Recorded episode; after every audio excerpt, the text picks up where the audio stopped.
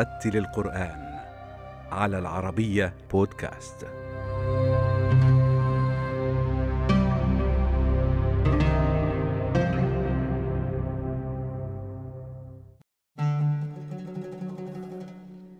ولد القارئ معاذ الغول في مدينة طرابلس الليبية وفي كتاتيبها ومساجدها حفظ القرآن الكريم على يد عدد من المدرسين.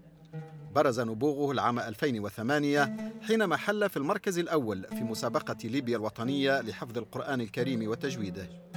انتقل إلى الولايات المتحدة الأمريكية لمتابعة مسيرته التعليمية دون انقطاع عن القرآن الكريم وأهله متفوقا على أقرانه في المسابقة الأمريكية للقرآن الكريم.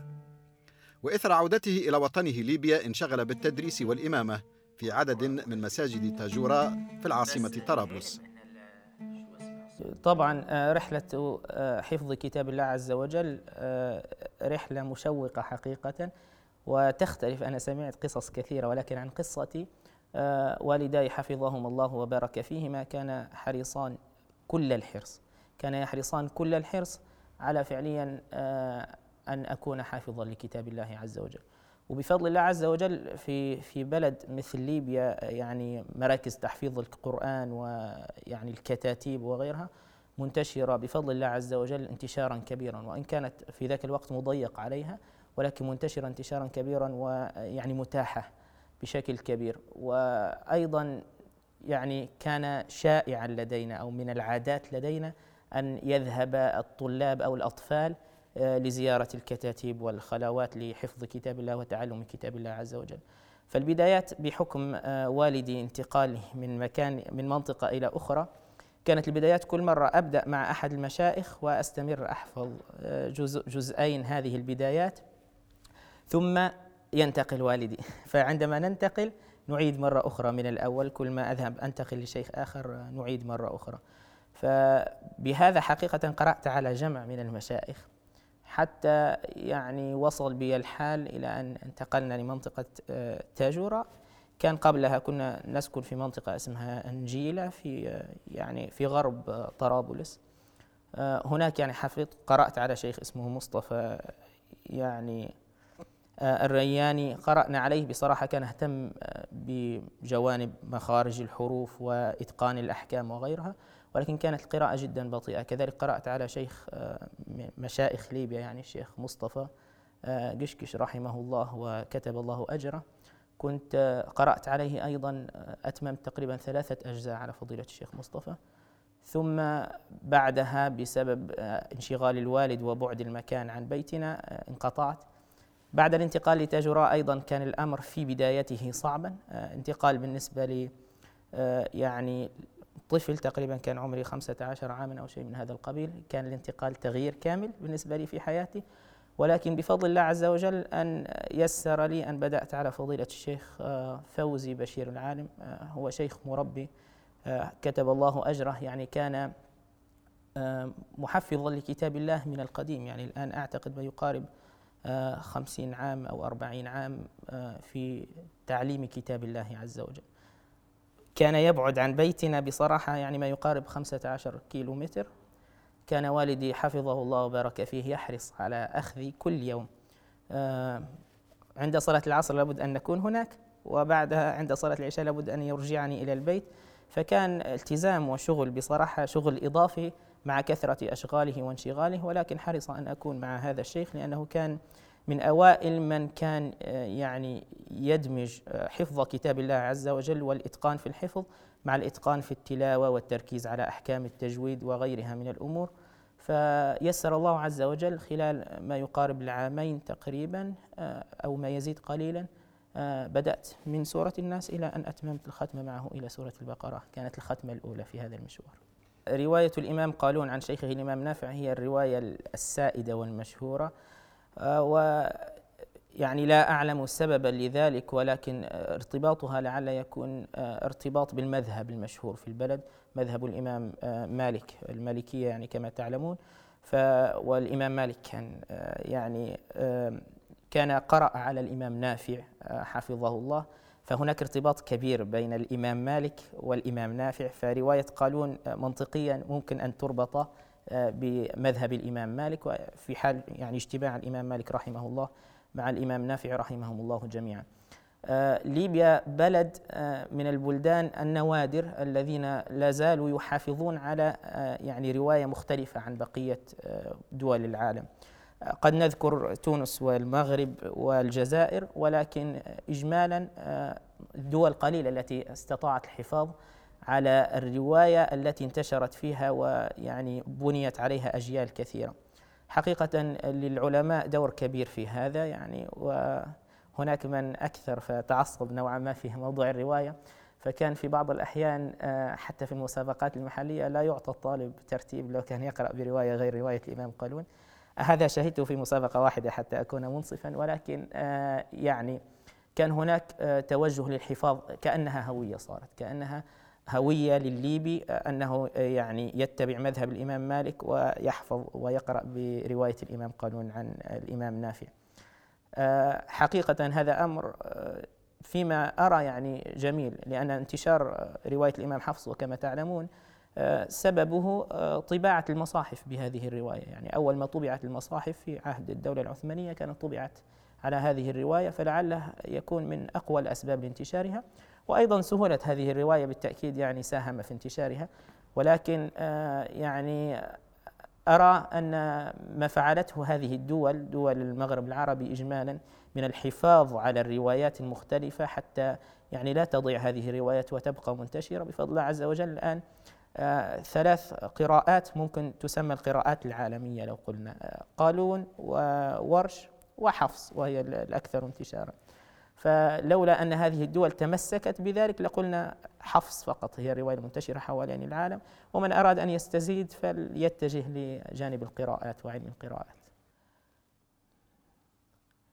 أعوذ بالله من الشيطان الرجيم. بسم الله الرحمن الرحيم. إن الله يأمركم أن تؤدوا الأمانات إلى أهلها إن الله يأمركم أن تؤدوا الأمانات إلى أهلها وإذا حكمتم بين الناس وإذا حكمتم بين الناس أن تحكموا بالعدل إن الله نعم ما يعظكم به إن الله كان سميعا بصيرا يا أيها الذين آمنوا أطيعوا الله وأطيعوا الرسول وأولي الأمر منكم ۖ. فإن تنازعتم في شيء فردوه إلى الله والرسول إن كنتم تؤمنون. فردوه إلى الله والرسول إن كنتم تؤمنون بالله واليوم الآخر ۖ ذلك خير واحسن تاويلا الم تر إلى الذين يزعمون أنهم آمنوا بما أنزل إليك وما أنزل من قبلك يريدون يريدون أن يتحاكموا إلى الطاغوت وقد أمروا أن يكفروا به. ويريد الشيطان أن يضلهم ضلالا بعيدا. وإذا قيل لهم تعالوا إلى ما أنزل الله وإلى الرسول رأيت المنافقين يصدون. رأيت المنافقين يصدون عنك صدودا. فكيف إذا أصابتهم مصيبة بما قدمت أيديهم ثم ثم جاءوك يحلفون بالله إن أردنا إلا إحسانا. ثم جاءوك يحلفون بالله إن أردنا إلا إحسانا وتوفيقا. أولئك الذين يعلم الله ما في قلوبهم فأعرض عنهم فأعرض عنهم وعظهم وقل لهم في أنفسهم قولا بليغاً. انتقل القارئ معاذ الغول إلى مالطا بسبب الأحداث التي عرفتها ليبيا وفيها تولى الإمامة في أحد مساجد العاصمة فاليتا قبل انتقاله إلى ألمانيا مواصلا تحصيله العلمي في كلية الطب والإمامة في أحد مساجد برلين إضافة إلى إشرافه على مدرسة لتحفيظ القرآن الكريم حيث يتوافد إليه الحفظة لإتقان فنون التجويد في حلقاته. بالتأكيد آه، يعني من لا يذكر من تعلم منه ومن حفظ عليه ومن أعانه ومن يعني يسر إليه الأمر ومن علمه حرفا في هذا الطريق يعني ينكر جميلا عظيما. فمشائخ قد ذكرت منهم منهم بعض المشائخ فضيلة الشيخ فوزي بشير العالم وهو أول من حفظت عليه القرآن كاملا وجزاه الله عني كل خير. قرأت عليه سبع ختمات تقريبا يعني متتالية. كتب الله أجره ووفقه وأعانه وعظم يعني أجره فيما يعلم من بعده. آه، له الفضل الأعظم والأكبر نسأل الله أن يكتب له عظيم الأجر. بعدها حقيقة يعني أني قرأت على جمع كبير من المشايخ لا أستطيع يعني أن أحصيهم في دقائق معدودة ولكن من قرأت عليهم آه، لفترات يعني آه، فعليا يحسن أن يعني ينقل عنهم فيها يعني من قرأت عليه ختمة كاملة أو قرأت عليه يعني ربع ربع القرآن أو شيء من هذا القبيل. آه، قرأت على فضيلة الشيخ عبد عبد المنعم المقصبي أول من أجازني برواية الإمام قالون بالسند المتصل للرسول صلى الله عليه وسلم. آه، جزاه الله عني كل خير وقد استفدت منه كثيرا. قرأت على فضيلة الشيخ أحمد عبد الله حميد كتب الله أجره وبارك فيه. يعني أول من أجزت عليه بقالون بأوجهها ثم ورش قرأنا عليه. آه، فضيلة الشيخ عبد الحميد الغويل فضيلة الشيخ يعني جلال حسن بارك الله فيه تعلمت منه جانبا عظيما في آه، بغير إتقان التلاوة أو إلى جانب إتقان مخارج الحروف وصفات الحروف كان له يعني نظرة عظيمة في موضوع الوقف والابتداء وكيفية فهم المعاني في القرآن. مشائخ كثر ولكن آه، يعني آه، من آخر من قرأت عليهم كانوا زملائي أيضا في آه، يعني ممن حفظنا مع بعض بعض الروايات. الآن يعني أتممت على فضيلة الشيخ أحمد الرحال جزاه الله عني كل خير. يعني ثلاث قراءات فيما أذكر. أتمنى لا أكون قد نسيت. وجزاه الله عني كل خير يعني يصبرون علينا ويتيحون لنا الوقت. كذلك الآن آه، أجمع مع فضيلة الشيخ آه، هشام بن عيسى آه، القراءات. نسأل الله أن يكتب أجره ويعينه علينا أولا. فبصراحة رحلة يعني القرآن تبدأ بعد الختم فيما فيما أرى. قبل الختم هي رحلة قصيرة شيقة ولكن الحياة مع القرآن مستمرة دائما وأبدا. رحلتي إلى ألمانيا بالنسبة لي كانت الرحلة لألمانيا بسيطة جدا آه، سهلة ميسرة بفضل الله عز وجل. أنا طبعا طبيب أسنان فبعد آه، أن أتممت آه، دراستي الجامعية في ليبيا وعملت في ليبيا ما يقارب خمس سنوات بين القطاع العام والخاص وغيرها. يعني قررت أن أبتدئ رحلة إتمام الدراسات العليا. لو وفقت في ذلك بحثت في مجموعة دول. كنت أزور الولايات المتحدة الأمريكية أصلي هناك التراويح فكانت إحدى الخيارات.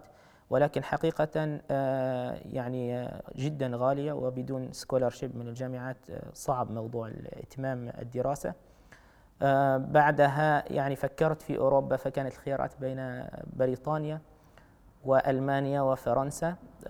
بريطانيا ميزتها يعني أنها تتحدث اللغة الإنجليزية وهي من اللغات السهلة.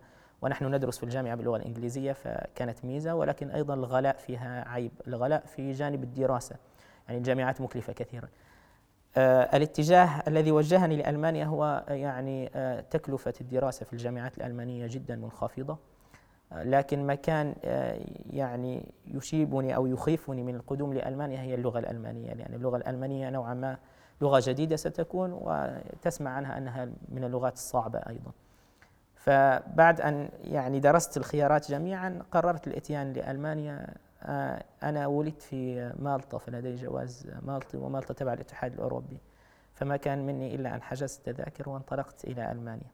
حقيقة آه، بعد ترتيب مع إحدى المدارس مدارس القرآن في برلين آه، بحيث يعني يكون لي من أول ما أصل يعني برنامج واضح هكذا أسير عليه بجانب الاستمرار في الدراسة في طب الأسنان لو يسر الله الأمر. فرتبت مع المدرسة ويعني فعليا حضرت إلى برلين. الإشكالات التي واجهتني في برلين أه، يعني أنا زرت مدن كثيرة ما رأيت يعني أزمة أه، سكن مثل التي تمر بها برلين. يعني الإنسان ممكن يبقى أكثر من أه، ثلاثة أشهر إلى عام وهو يبحث عن شقة حتى يجد شقة بعقد دائم يعني بغير الشقق المفروشة يعني ذات الأسعار الغالية جداً.